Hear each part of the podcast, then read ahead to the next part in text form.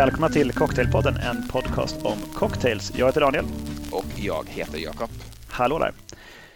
Vi har en fortsättning på en följetong. Det kan man säga. Det här har blivit en långkörare och jag pratar om Roses Lime Cordial.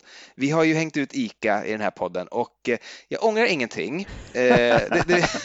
För det är ett stort ont företag menar du? det, vill jag, det vill jag säga. För att eh, även om det nu inte råkar vara ICA-spel den här gången, att Roses Lime Cordial inte finns där längre, så har de ju heller inte gjort något för att hindra den här utvecklingen, uppenbarligen. Eller dementera det vi har sagt.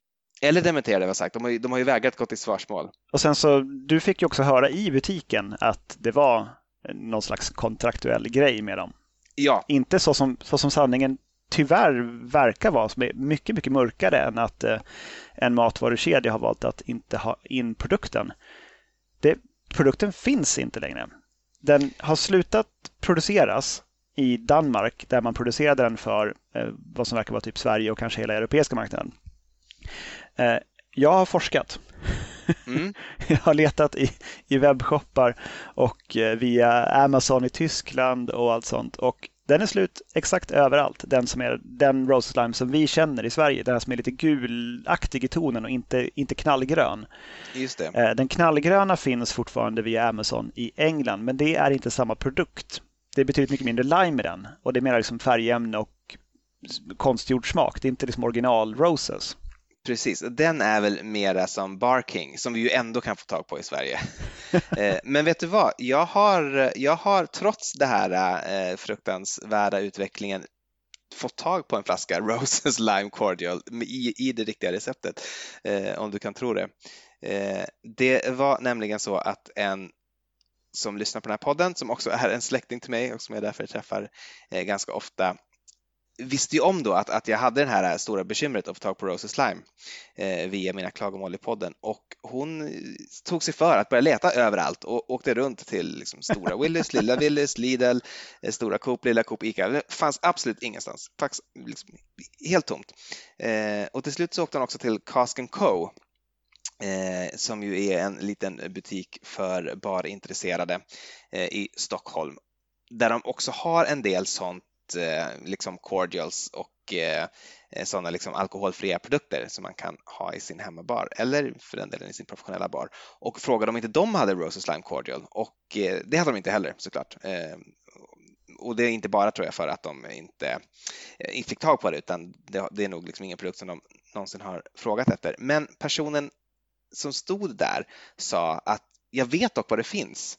För i liksom Ahmeds kiosk i, i Alby, där jag bor, där har det stått två stycken Roses Lime nu i, I några år. I några år liksom, eh, på hyllan. Så hon åkte ut dit och mycket riktigt, där fanns två stycken som hon norpade åt sig och gav den ena till mig. Så nu är de slut i hela Sverige. Mm. Eh, och... kanske, kanske inte. Jag, jag hittade faktiskt en. Eh, det, det kan finnas på hyllan på ICA Maxi i Gävle. Okej. Okay. Ni, nice. ni, som lyssnar på det här, i, i, i eh, inspelande stund så står det Roses Lime i er Maxi-butik. Um, så att den som tar sig dit först och köper eh, dem, och om det finns fler, så är jag villig betala eh, minst det dubbla marknadspriset för en flaska, inklusive porto ifall att ni kan skicka den till mig. Ta i sådana fall kontakt med oss via Cocktailpodden på Instagram eller cocktailpodden.gmail.com. Ska vi gå vidare till ämnet, Jakob? Det kan vi, vi kan väl bara säga eh, då, för att liksom ändå avsluta den här historien på någon li, lite, lite, lite positiv not, att det verkar ändå finnas något ersättning på gång, alltså någon som ändå vill ta över facklan och göra en sån liksom Roses Lime-aktig Lime Cordial. Eh, Ja, vi, vi kanske kommer att återkomma till det senare. Vi får, vi får väl se. Men för du har ju pratat, det var ju lite grann så vi fick reda på att de hade slutat överhuvudtaget. Eh, men då, då, då öppnar de ändå för att ja, men det, det, kanske kommer en ny produkt snart på marknaden som, som man kan få tag på som kan ersätta den här. Vi, vi, inte, vi vet inte riktigt så mycket mer om det än, men, eh, men eh, håll öronen öppna. Det blir en cliffhanger där. Ja, det får bli det. Nu går vi till ämnet. Yes, ämnet för, för dagen är arrak. Vilket ju betyder sprit på arabiska helt enkelt och därför så dyker arak upp lite här och var. Men det vi ska prata om är eh, indonesisk arrak, eh, så kallad Batavia arrak efter den holländska kolonin där. Eh, jag vill bara nämna kort vilka araker vi inte kommer att prata om. Yeah, Vi kommer inte att prata om Ceylon-arak som faktiskt finns på Systembolaget. En, en flaska av Ceylon-arak finns. Då är det palmnektar, jäst och destillerad. Det är en sån som du fick när du var på Kap Verde tror jag. Alltså sån där man har samlat palmnektar och sen så har man eh, jäst den och bränt. Eh, Just det, det var, det var på Bali, inte på Bali. Kap Verde. Ja, förlåt. Men... Ja. Hur som helst, en sån. Och sen så finns det Arak med K, A-R-A-K. Då är det ett aniskryddat osötat brännvin som är vanligt över hela Mellanöstern. Sen finns det eh, Raki som är ju samma ordstam. Och då är det en sötad aniskryddad sprit, framförallt Turkiet. Och så har vi Rakia som låter likadant men absolut inte likadant för där är det fruktbrännvin från Balkan. Och sen har vi Raksi från Nepal och Tibet och norra Indien och det är en sprit som görs på hirs eller ris och ska enligt eh, nyhetsbolaget eh, CNN påminna till doften om sake. Där har du de som vi inte kommer att prata om. Vi kommer att prata om mm. Batavia Arak, eh, det som i, som har någon slags extra litet rum i hjärtat hos, eh, i den svenska folksjälen på något vis genom, genom punchen. Eh, Precis. Som jag dock föreslår att vi inte pratar om.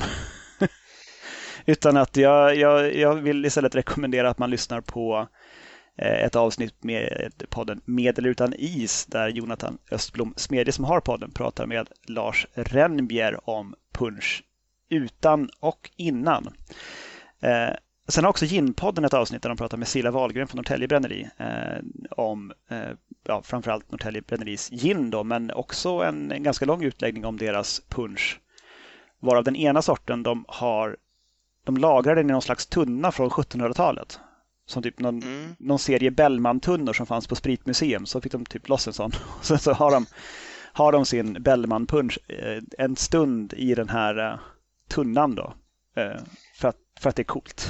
ja, för jag tror att så gammalt trä åldrar nog inte direkt spriten. Alltså jag, kan jag inte tänka mig. Men eh, Jag tycker ändå det, det, finns något värde i att den har legat i en så gammal tunna och att tunnorna också heter liksom, som karaktärer i, i Bellmans eh, värld. Fader, Faderberg tror jag den här tunnan heter, om jag minns rätt. Och sen så pratar även Evelina och Veronica i podden Bira, Bollinger och Baksmälla en hel del om punch i sitt senaste avsnitt. Så det finns en hel del eh, resurser för den som vill eh, lyssna på ett samtal om punch.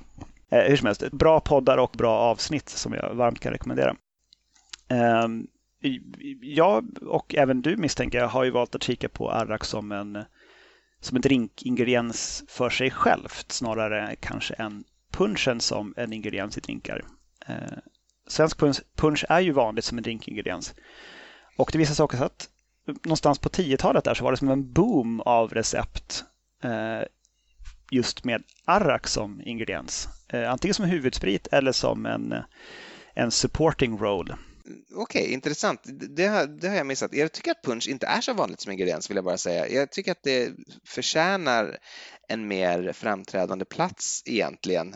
Men eh, som sagt, det här, det här är inte punchavsnittet så vi, vi, jag kanske inte ska liksom utveckla det eller, eller och du behöver heller inte gå i svarsmål om du inte vill. Men, eh, men jag, eh, jag, jag kan ändå tycka att punchens framtid ligger framför oss. Framtiden ligger framför oss, ja. Jo, nej, men det, det kan, det, det, är nog ändå böjd att hålla med om faktiskt. jag, kan inte, jag kan sträcka mig så långt. Nej, men jag menar, det, det finns ju ändå i gamla recept, liksom sådär, typ Savoy Cocktailbook, så är det väl ändå en, en, en, handfull recept som innehåller svensk punch. Vilket är ändå, för en så, sån, sån fringe-produkt som det ändå är och har varit i världen, dock inte i Sverige, så är det ju många recept. Ja, men det, det kan jag hålla med om. Ja, men historiskt, ja. Jag, jag tänkte egentligen mer liksom nu i den här cocktailboomen, om man tänker från Milk and Honey och framåt, så tycker jag liksom att det, det, det har inte plockats upp liksom i, i den nutida eh, cocktailboomen riktigt. Nej, det ligger ja, ja. nu i framtiden. Eh, får, jag, får jag börja? Ja, Med en, en, en, en drink.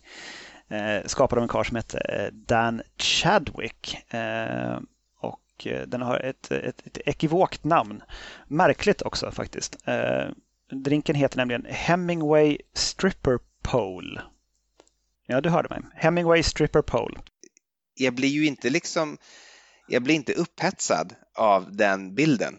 Nej, den här Dan Chadwick har förklarat namnet med att i en av hans bekanta stycken så smakar arrak som A buttered stripper pole. Okej, okay, det kanske det gör liksom, men jag vet inte. Jag har nog aldrig smakat på en, en smörad eh, stripp, eh, vad det nu heter, påle. Stång, stång, stång strippstång. men okej, okay, så, så, långt är allt gott, men, men vad fan, vad ska han blanda in stackars Hemingway i det här? Vad ska han få en släng av sleven för? Jag har, jag har ju en gissning, men jag vet inte om den är rätt. Men jag kan tänka mig att det är någon sorts liksom, blinkning kring Hemingway Daiquiri kanske? Ja, det är möjligt. Alltså, jag kan ju ta receptet här. Det är ett ounce Arak, ett tredjedels ounce Maraschino-likör, ett tredjedels ounce Campari, ett tredjedels ounce Aperol och ett helt ounce med limejuice. Skakad med is och silad till ett kylt glas. Jag tror, att, jag tror att det är Maraschino och limen som, som gör den till Hemingway. Mm, ja, men det gör nog det. Den är väldigt god. Um, ja, men sådär, lite, lite grapefruktig så som det blir när man har uh, Aperol och Maraschino tillsammans. Ja, skumt namn, men uh, absolut en, uh, en god drink som jag inte skulle skämmas att servera någon bara jag slapp berätta vad den hette. du, kan ju, du kan ju säga någonting annat. Du kan säga stripper pole bara. Men det är det jag inte vill säga ju. Ja, hur som helst, eh, Dan Chadwick där har skapat en, en, en bra drink men han behöver eh, klura lite grann på sitt naming game. Mm. Eh, jag kan ju ta en drink på en gång och jag blickar ut där och funderar på vilken jag ska ta. Men, men jag, har, eh, jag, tänk, jag, har, jag har gjort en drink som jag har gjort själv då.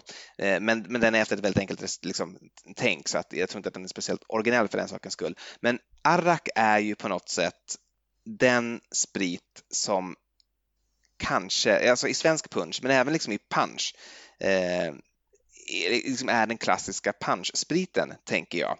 Liksom, alltså, om man ska göra en, en punch bowl eller sådär, eh, historiskt, eh, de, de, allra första som började göra punch bowls gjorde väl det med arrak, det är i alla fall i min föreställningsväg. Så jag tycker att det, man måste ändå göra någon sorts liksom, punch-inspirerad cocktail när man testar, eh, när man testar arrak. Och eh, det har jag gjort och den har jag gjort på eh, två delar eh, Batavia arrak. Eh, en del citron, en del lapsang-te en del 1 till 1 sockerlag och det har jag skakat på is och hällt i ett glas och sen hyvlat över lite muskot på det. Och min assistent räcker mig drinken här. Oh, ytspänning. Ja, och du kan säkert gissa att det här är ofattbart gott, verkligen. jo, det är klart. det är ehm, klart man förstår det. Och jag, och jag, tror att det som gör att den går från riktigt god till ofattbart god är den lilla, lilla rökigheten från lapsangteet. Det, det här skulle jag kunna dricka pint after pint. det är väl därför man gör det i stora bowls, tänker jag. ja, jag det är bara köra ner huvudet i bowlen och surpla. För det är verkligen, det är verkligen för lite med det här eh, lilla glaset. Eh, en, en toppenstart eh, för mig måste jag säga. Supergott verkligen. Mm, härligt. Så det är ju ibland lite, tycker jag, lite rökighet man kan ana även i, i arraken. Liksom. Den är ju gjord med väldigt, sådär, väldigt gamla metoder. Alltså den är ju bränd och den, framförallt så är den jäst på ett sätt som kanske liknar Baijiu ganska mycket. Mm. Alltså att den är jäst med sån här eh, Ja, precis. Den här svamp, svamp och eh, bakterieinfesterade riskakor som man lägger till och sen så själva huvudmedlet kan ju vara ris eller, eh, eller melass eller någonting. Jag ska det inte liksom de, de, alltså när man började göra just Batavia Arrak, alltså Ar Arrak både som ord och, och liksom begrepp är ju mycket, mycket, mycket äldre eh, än, än så. Men någon gång på 1600-talet så är det väl då liksom man börjar göra Batavia Arrak och då är det eh, då är det väl alltså, här, alltså rött ris och melass som man har. Ja, men jag, det har jag också fått för mig. Men det, det, är också det att det, det var väldigt många eh, kineser som flyttade till, till Indonesien i, i några århundradens tid där innan liksom, européerna kom dit. Eh, som ville bränna sin sprit. Så att den är bränd med eh, kinesisk teknik. Eh, mm. Men liksom på lokala råvaror där då. Så istället för sorghum eller vad det nu heter på svenska eh, som man använder i Kina så använder man eh, palmjuicer och ris och allt möjligt som fanns på Indonesien. Så att spännande. Och jag tycker att den, det är någonting i araken också som påminner lite grann om Strong Aroma Baiju. Tycker jag. Ja, det, fin, det finns alltså, någonting där. Det gör det. Ja, det finns ju något sånt funk absolut i det. Sen tycker jag att eh, den alltså en, en arak är ju både liksom mer insmickrande eh, och godare också. mer angenäm. Men det är för att du avskyr Baijiu mer än någonting annat i världen. Ja, det, det, är väl det. Det är väl det som ligger bakom. Du, du har fortfarande, vad det nu var, 198 shottar kvar av Baijiu innan du började tycka om det. Jag kommer inte ihåg vad siffran var, men det, det, var många i alla fall man skulle ta. Ja, det, det, det, är en hel del kvar. Jag tror, jag tror att det var 300 man skulle ta och jag kanske har tagit fyra. Mm. Så det är mycket arbete. Ja. Jag har också gjort en, eh, en, en punch-historia, fast en, en T-punch eh, på, eh, på Arak. Mm. Som är ursprungligen skapad av en karl som heter Chris Taylor och receptet är upplagt på hemsidan Kindred Cocktails. Det är en rejäl slatt med arak, eh, en liten bit citron skuren så att både lite kött och eh, skalet är med och sen en tesked råsocker. Så slår man ihop det här i ett glas och eh, rör tills sockret nästan har löst sig men det är fortfarande lite krymmel kvar på botten. Och sen pressar man citronbiten över så att både oljor och saft droppar ner i glaset. Så det är citron istället för lime, allt annat lika med en tea punch då, fast det är arrak då. Mm.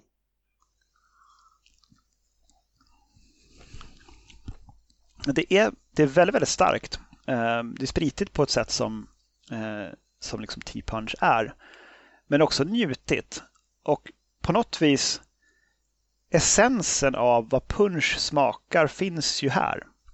Just det. Om att du har mm. citron och socker och, och arrak så saknar du bara vadå, te och kryddor och kanske bassprit utöver arraken då, för att liksom stärka upp det hela. Men eh, anden utav punch finns i det här glaset. Eh, fast man, man blir nog betydligt mer berusad om man dricker det i samma mängder som man dricker punch i alla fall.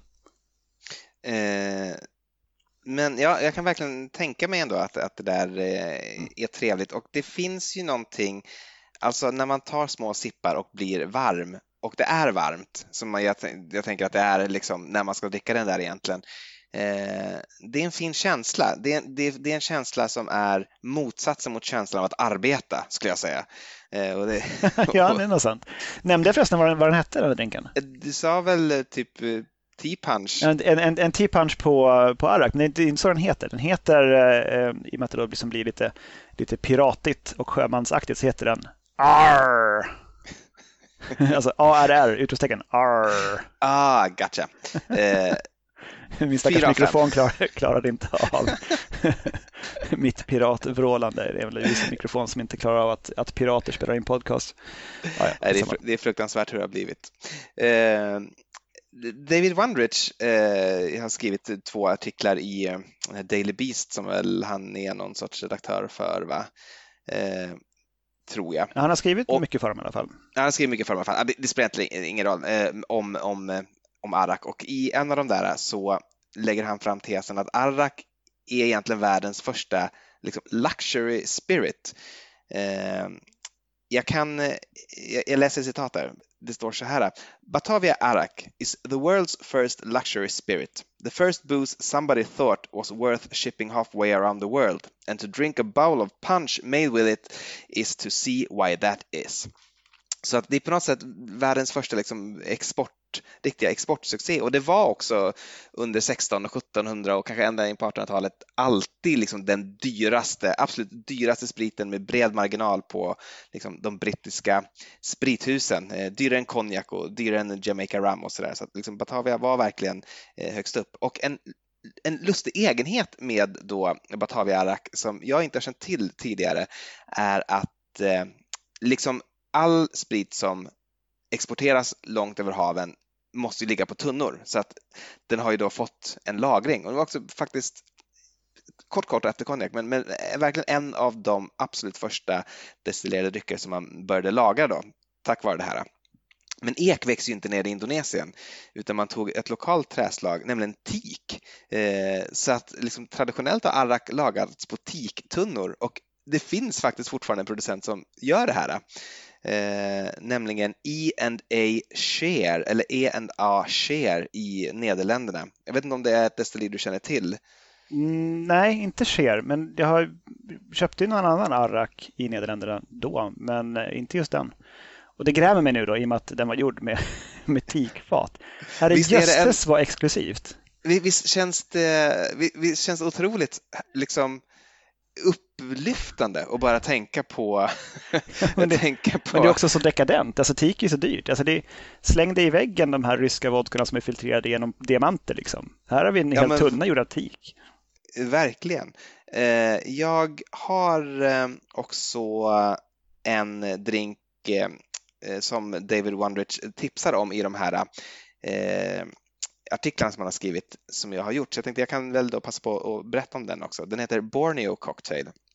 Och då ska det vara två ounce med eh, Batavia Arak, ett fjärdedels ounce med Rich Simple Syrup och där rekommenderar han att man gör en Rich Simple Syrup på Demerara-socker eller något annat typ av mörkt socker. Och jag har gjort den på en blandning av Demerara och eh, Muscovado-socker som är så här, nästan lite salt, konstigt nog, eftersom det ju är ett socker.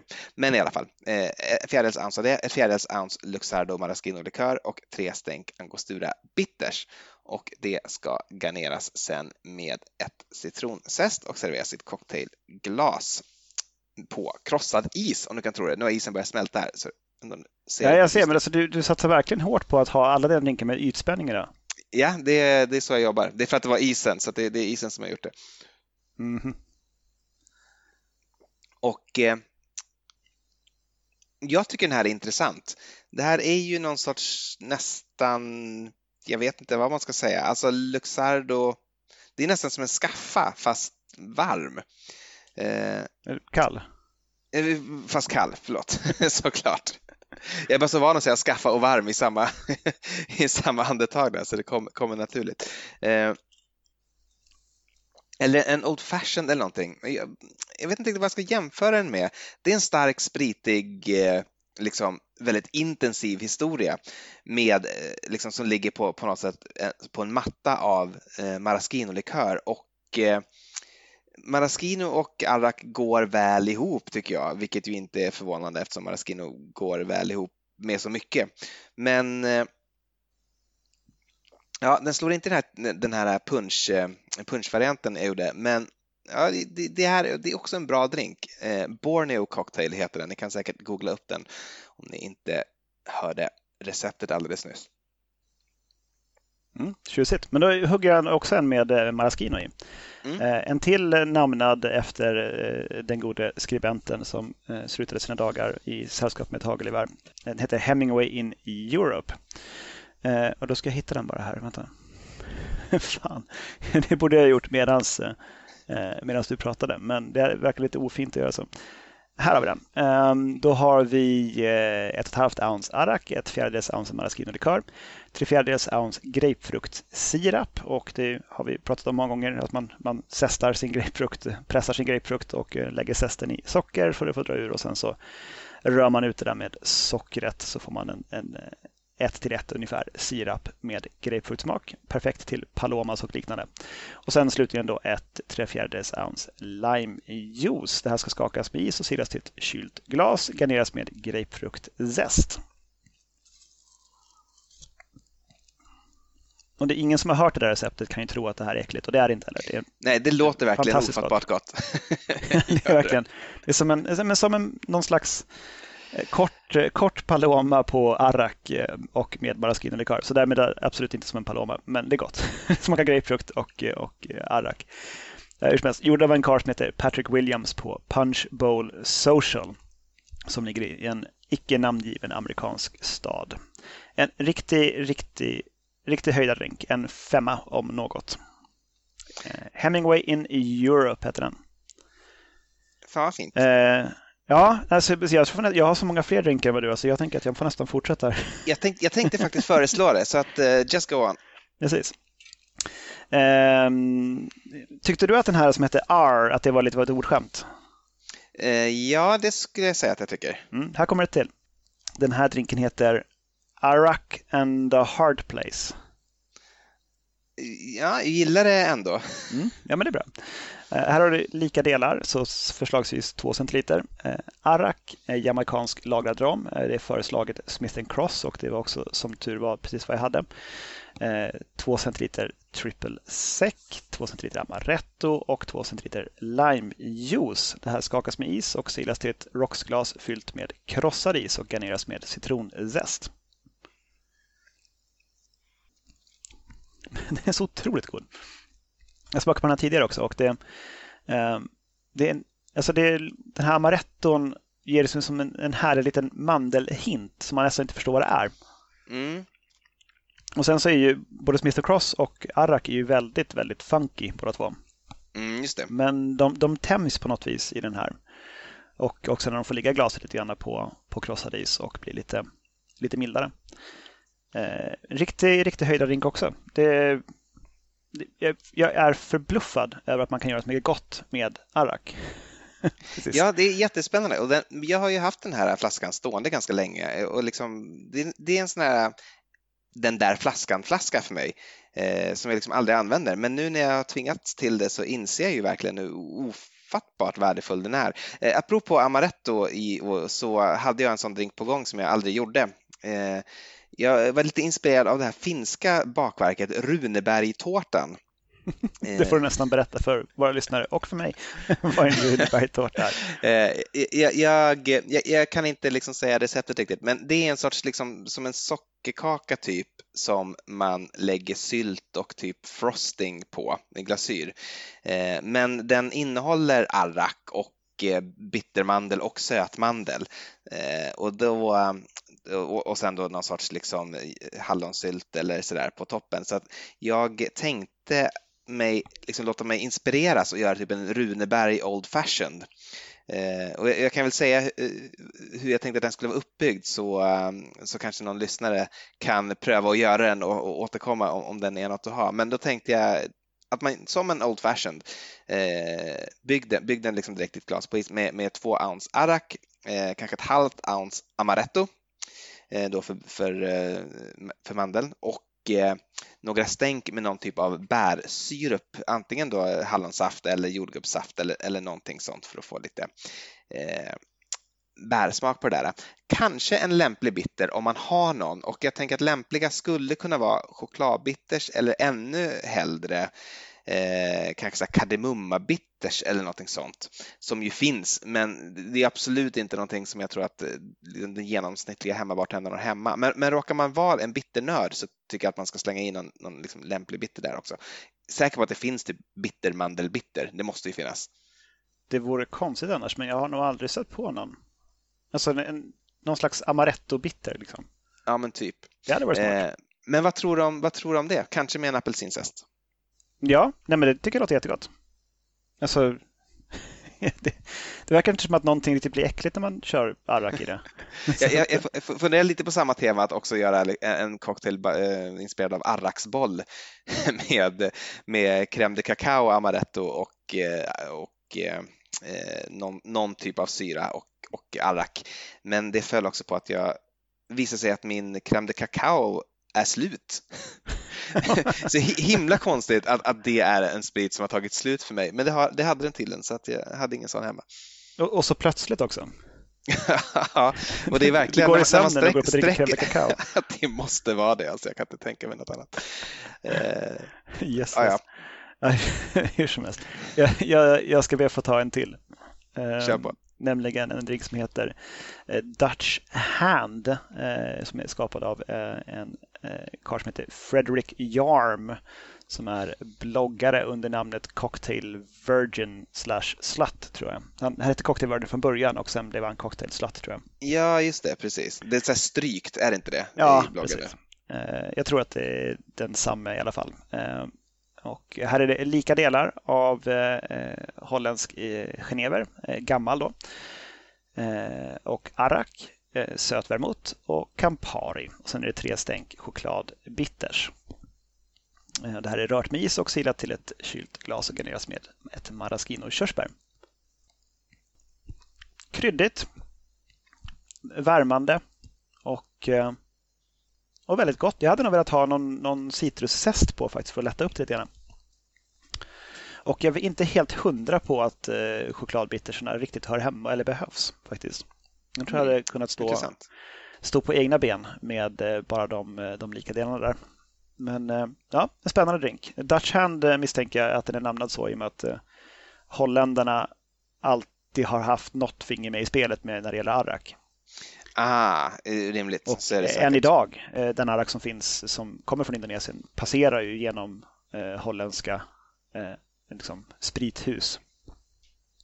Tror jag. jag ingen, ingenting kommer till Europa utan att passera Amsterdam. Men eh, ja, hur som helst, en eh, spännande, lite kryddig drink. Eh, ja, jag tar en till. Alltså, sitt, sitt du där Jakob och, och, och, och, luta dig tillbaka och, och lyssna, lyssna på din vän som berättar om drinkar här. Här har vi en drink som heter Juno, J-U-N-O. Och här är en tequila-drink faktiskt. Oj! Ja, det är lite udda. Eh, ett och ett halvt ounce eh, Reposado Tequila, ett ounce Arak, ett halvt ounce gul chartreuse och två stänk Angostura Bitters rört med is och eh, eh silat till ett kylt glas. Garnera med cit citronzest. Eh, det här kan vara en drink av Phil Ward, men det kan också vara en kart som heter John Gerton som har skapat den. Det är lite oklart. Oj, varför det? Eh, därför att den som har lagt upp receptet på nätet, också på den här eh, Kindred Cocktails, eh, visste inte helt enkelt vem det var utav de två som hade skapat drinken. Jaha, vad kul. Hur som helst, den, den är god. Ingen superhöjdare, men det är kanske för att jag inte är så förtjust i gul chartreuse. Det är, ju som där. du har konstaterat tidigare den sämre chartreusen. det, det, det, kan inte vara en kontroversiell åsikt. Jag tror inte det. Eh, jag har väldigt svårt att se att eh, när det här avsnittet släpps och liksom den här åsikten blir känd att, att, att det kommer att börja liksom samlas folk på gatorna och, och liksom upplopp kommer att bryta ut. Det, det... Nej, det, vi får väl ändå hoppas. Det hade varit lite kul. Alltså, det är ju inte mycket näthat vi får tyvärr. Det känns ändå som en liten, liten besvikelse varenda gång ja, vi inte får det. Du, du, är, du, är, du är märkligt eh, du är märkligt ledsen över, över bristen på näthat, det ska sägas. Jag kan, jag kan komma in med en drink här, du har, du har säkert många kvar, men mm. för jag har, jag har en varm drink nämligen och medan det fortfarande finns någon värme kvar i den så ska jag dricka den och jag har egentligen ingen riktig liksom, historia kring den här utan jag bara berättar om själva drinken. Men eh, den är hämtad från By the Dutch som väl är ett sånt eh, destilleri som gör bland annat arrak. Den är hämtad från deras hemsida och den heter 1930 Elisir och eh, Elisir är väl ett annat namn för elixir vågar jag gissa och 1930 är ju ett årtal men det finns liksom ingen historia bakom den så jag vet inte om den kommer från 1930-talet eller om den ska liksom efterlikna 1930-talets stinkar eller vad grejen är där riktigt eh, bakom namnet då. Men 1930 Elis, Elisir heter den i alla fall. Och eh, de här By the Dutch, de skriver recept på det absolut sämsta sätt som man kan. De blandar nämligen fasta mått med parts. Så receptet är one part eh, arak, två tablespoons med powdered sugar, alltså florsocker, och eh, en halv tablespoon med London Dry Gin. Eh, och en part, jag har tolkat det som 3 centiliter, det vill säga en ounce. Så att jag har gjort en ounce med eh, arak, två teskedar eh, florsocker och en halv tesked med London Dry Gin. Och det här eh, rör man först i ett glas eh, så att liksom florsockret löser upp sig så mycket som möjligt. Sen häller man på förvärmt kolsyrat vatten upp till toppen på glaset. Det är så vansinnigt konstigt. Varmt kolsyrat vatten och eh, avslutar med att riva över lite muskot. Och den blir inte så vacker för muskot som ligger och flyter liksom på en sån här helt klar eh, drink eh, är helt enkelt inte så snyggt utan det ser ut lite grann som att ja, men tänk att du har haft glas som inte har stått i ett skåp och så diskar du liksom inte ur dem innan du häller i en drink och det visar sig att det var ju ett halvår sedan de använde senast så att det liksom ligger massa damm i botten.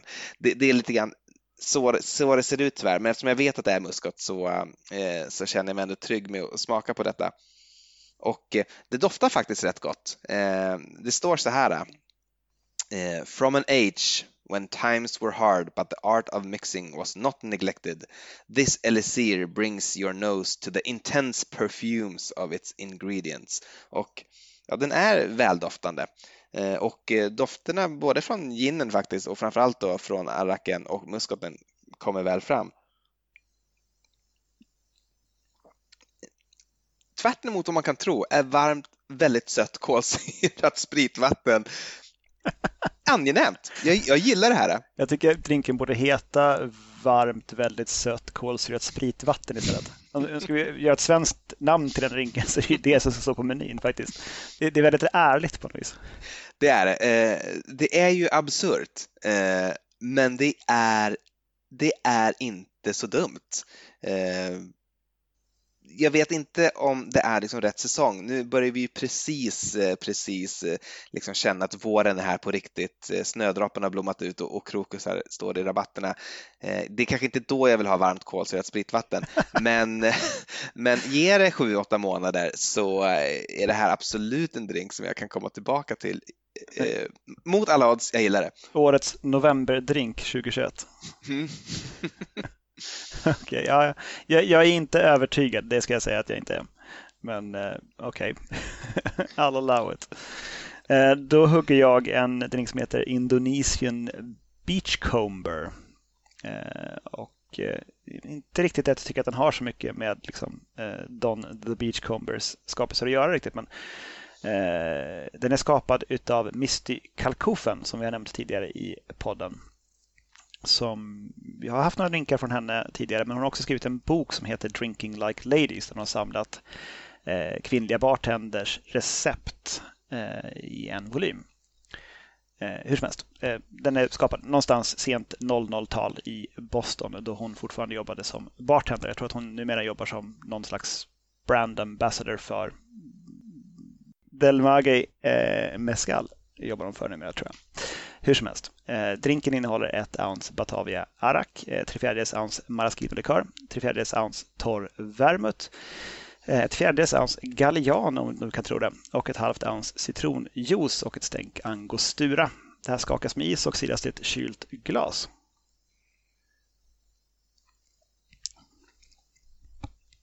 Alltså man märker inte man kan liksom inte plocka ur någon enskild ingrediens egentligen förutom maraskinon som man tydligt känner finns med. Men eh, Gallianon och vermouten skulle jag inte kunna plocka ur att det här fanns med. Så liksom det, eh, det är Arak och Maraschino-likör som spelar första fiolerna och sen så resten blir någon slags enhet i bakgrunden. Jag tycker den är god. Eh, kanske att man skulle vilja ha lite mer syra. Mm. Eh, det hade nog kunnat behövas men eh, det är också för att det är tycke och smak. Liksom. Det, Eh, jag ska inte klanka ner på eh, den goda Misty. Nej, det tycker jag inte. Det vore ofint. har du slut på drinken? Eller? Nej, då, jag, har två, jag har två kvar. Okej, ta, ta någon då. Ja, eh, allt, allt är gott i en sour, brukar det ju heta. Det brukar du säga. Ja, och jag har också hittat ett, faktiskt ett recept på Arak Sour, så att den här har jag inte komponerat själv.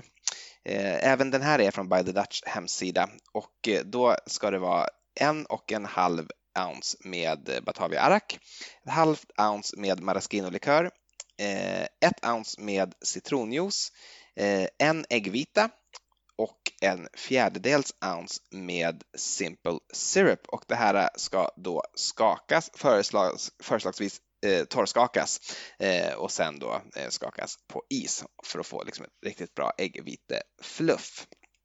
Eh, garneras slutligen med en eh, citronzest. Och eh, som du hör så innehåller den här lite maraschino-likör så det här är ju också kanske en liten Hemingway-blinkning då eh, i det dolda. Det verkar vara vanligt att man parar arak med just maraschino.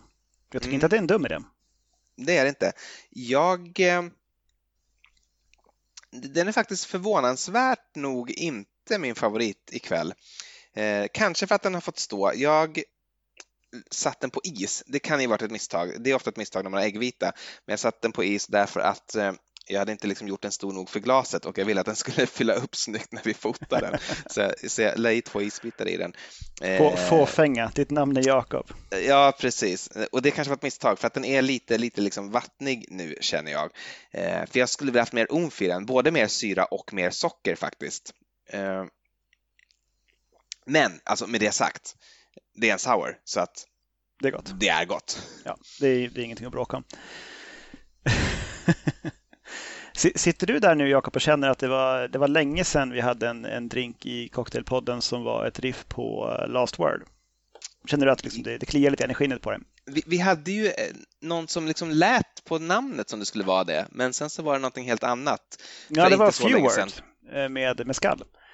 Den jättegod drink för övrigt. Eh, gå tillbaka till något av våra tidigare avsnitt och hitta den gott folk. Few words heter den. Eh, riktig, riktig fantastisk drink. Jo, men det var i Differed Sky-avsnittet. Just det, så var det. Eh, så ja, jag tycker att det, det var länge sedan. Okej, okay, men då kör vi. Då har vi lika delar arak, gul chartreuse, eh, falernum och lime juice. Eh, och den heter The Eulogy, vilket ju är på något vis något slags sista ord. Just det. Ja. Eh, och den är skapad av eh, Justin Barrow på ett ställe som heter Anvil i Houston i Texas. Och eh, Det är den där gula chartreusen alltså. Den är en sån besvikelse. Men det är, alltså, det, det, är en, det är en väl balanserad drink. Den är, den är lagom syrlig, lagom söt. Och den har kryddighet och, och liksom, det är mycket på gång. Men det är bara att det känns bara som att den har varit godare med grön chartreuse. Jag tror att det antagligen hade det, men gör det nästa gång med grön chartreuse. Du får det. jag får väl göra det. Ja, hur som helst. Det, det, det är ingen äcklig drink. Den, den kan man göra. The Eulogy heter den. Eh, jag har två drinkar kvar framför mig. Mm, ta en då så tar jag min och så får du avsluta sen. Okej. Okay. Då ska jag bara hitta receptet på den här. Där. Eh, den heter DWB och eh, det utläses som Daiquiri with benefits. Och den här är faktiskt skapad, vet vi, av Phil Ward eh, 2008. Mm -hmm. Det var tidigt ja, för en det... arrak-drink på något sätt. Ja, men det är, ju, det är inte arrak som riktigt är eh, huvudspriten här. Arrak är mer som stöttande sprit. Right. Eh, istället så är det vit agrikol-rom som spelar första fiol. Det är ju också liksom en, då i alla fall 2008 kan jag tänka mig, lite av en fringe-sprit. Men ja, det känns det som. Du har ja. två ounce eh, vit agrikol-rom, ett halvt ounce arrak, tre fjärdedels ounce limejuice och ett halvt ounce 2 till 1 rörsockersirap. Det här skakas med is och silas i ett kylt glas, garneras med en limeklyfta. Det är jättegott. Alltså agrikolrom i en, en, liksom en daiquiri-drink är ju väldigt gott. Mm. Det är så mycket det är så mycket udda smak i den, den rommen ändå. Det, är, alltså, det var ju en sån här uh, sprit som när jag drack den första gången tyckte att den var vedervärdig. För att jag förstod inte vad det var. Uh, och det, krä, det, krävdes någon sorts liksom jag, jag, jag, behövde dricka den, sen behövde jag läsa om den i en bok och sen så behövde jag liksom dricka den igen två gånger och sen så trillade paletten ner. Ja, men det ska ju smaka så här. det, det, är inget fel på den. Det, det, är därför. Det är därför liksom den är så funky, för att det, är, så, det är så agrikol ska vara. Mm. Eh, ja, och då, liksom, då, då, kan jag förstå den. Eh, jag ska inte säga att arraken gör varken av eller till där, men eh, det hade varit lika god om man bara hade haft agrikolramen, tror jag. Ja, det är väl kanske så ofta med det som spelar andra fiolen, men vem vet. Eh, min sista då, den heter eh, eh Batavia Cocktail helt enkelt och så här står det. Eh, While browsing a 1930 recipe book we found one especially created for Batavia Arak. It is easy but rewarding. Det står inte vilken bok, vilket jag tycker är... är alltså det är konstigt. Det är, det är konstigt att bara eh, källa en bok. en gammal bok också. En gammal bok. Eh, det, det, är liksom, det, det, är ännu konstigare än källa internet. Faktiskt. Eh, även den här hemsidan, eh, hämtad från By the Dutch hemsida för övrigt. mycket av mina var hämtade därifrån, men men eh, de hade så många spännande och roliga drinkar så att det, det får väl vara ett gott betyg till dem då. Men i alla fall, i eh, den här Batavia Cocktail så ska det vara eh, en del Batavia Arak, en del röd, det vill säga söt vermouth, två teskedar florsocker och fem stänk med står det här BTD Classic Bitters, men det är ju deras liksom, take på angostura så att man kan ta fem stänk med angostura bitters. Eh, återigen, blandar parts och eh, fasta mått. Eh, så väldigt, väldigt märkligt. Men jag har tolkat att en part här är en och en halv ounce, för då får man ju ungefär tre ounce, vilket ju är vad man brukar kunna liksom fylla ett normalt stort cocktailglas med. Eh, det här ska hur som helst eh, eh, skakas på is och sen silas till något typ av Old Fashioned glas. Jag har en lite mindre variant som du ser i webbkameran där och eh, garneras med eh, apelsinskiva eh, slutligen. Då.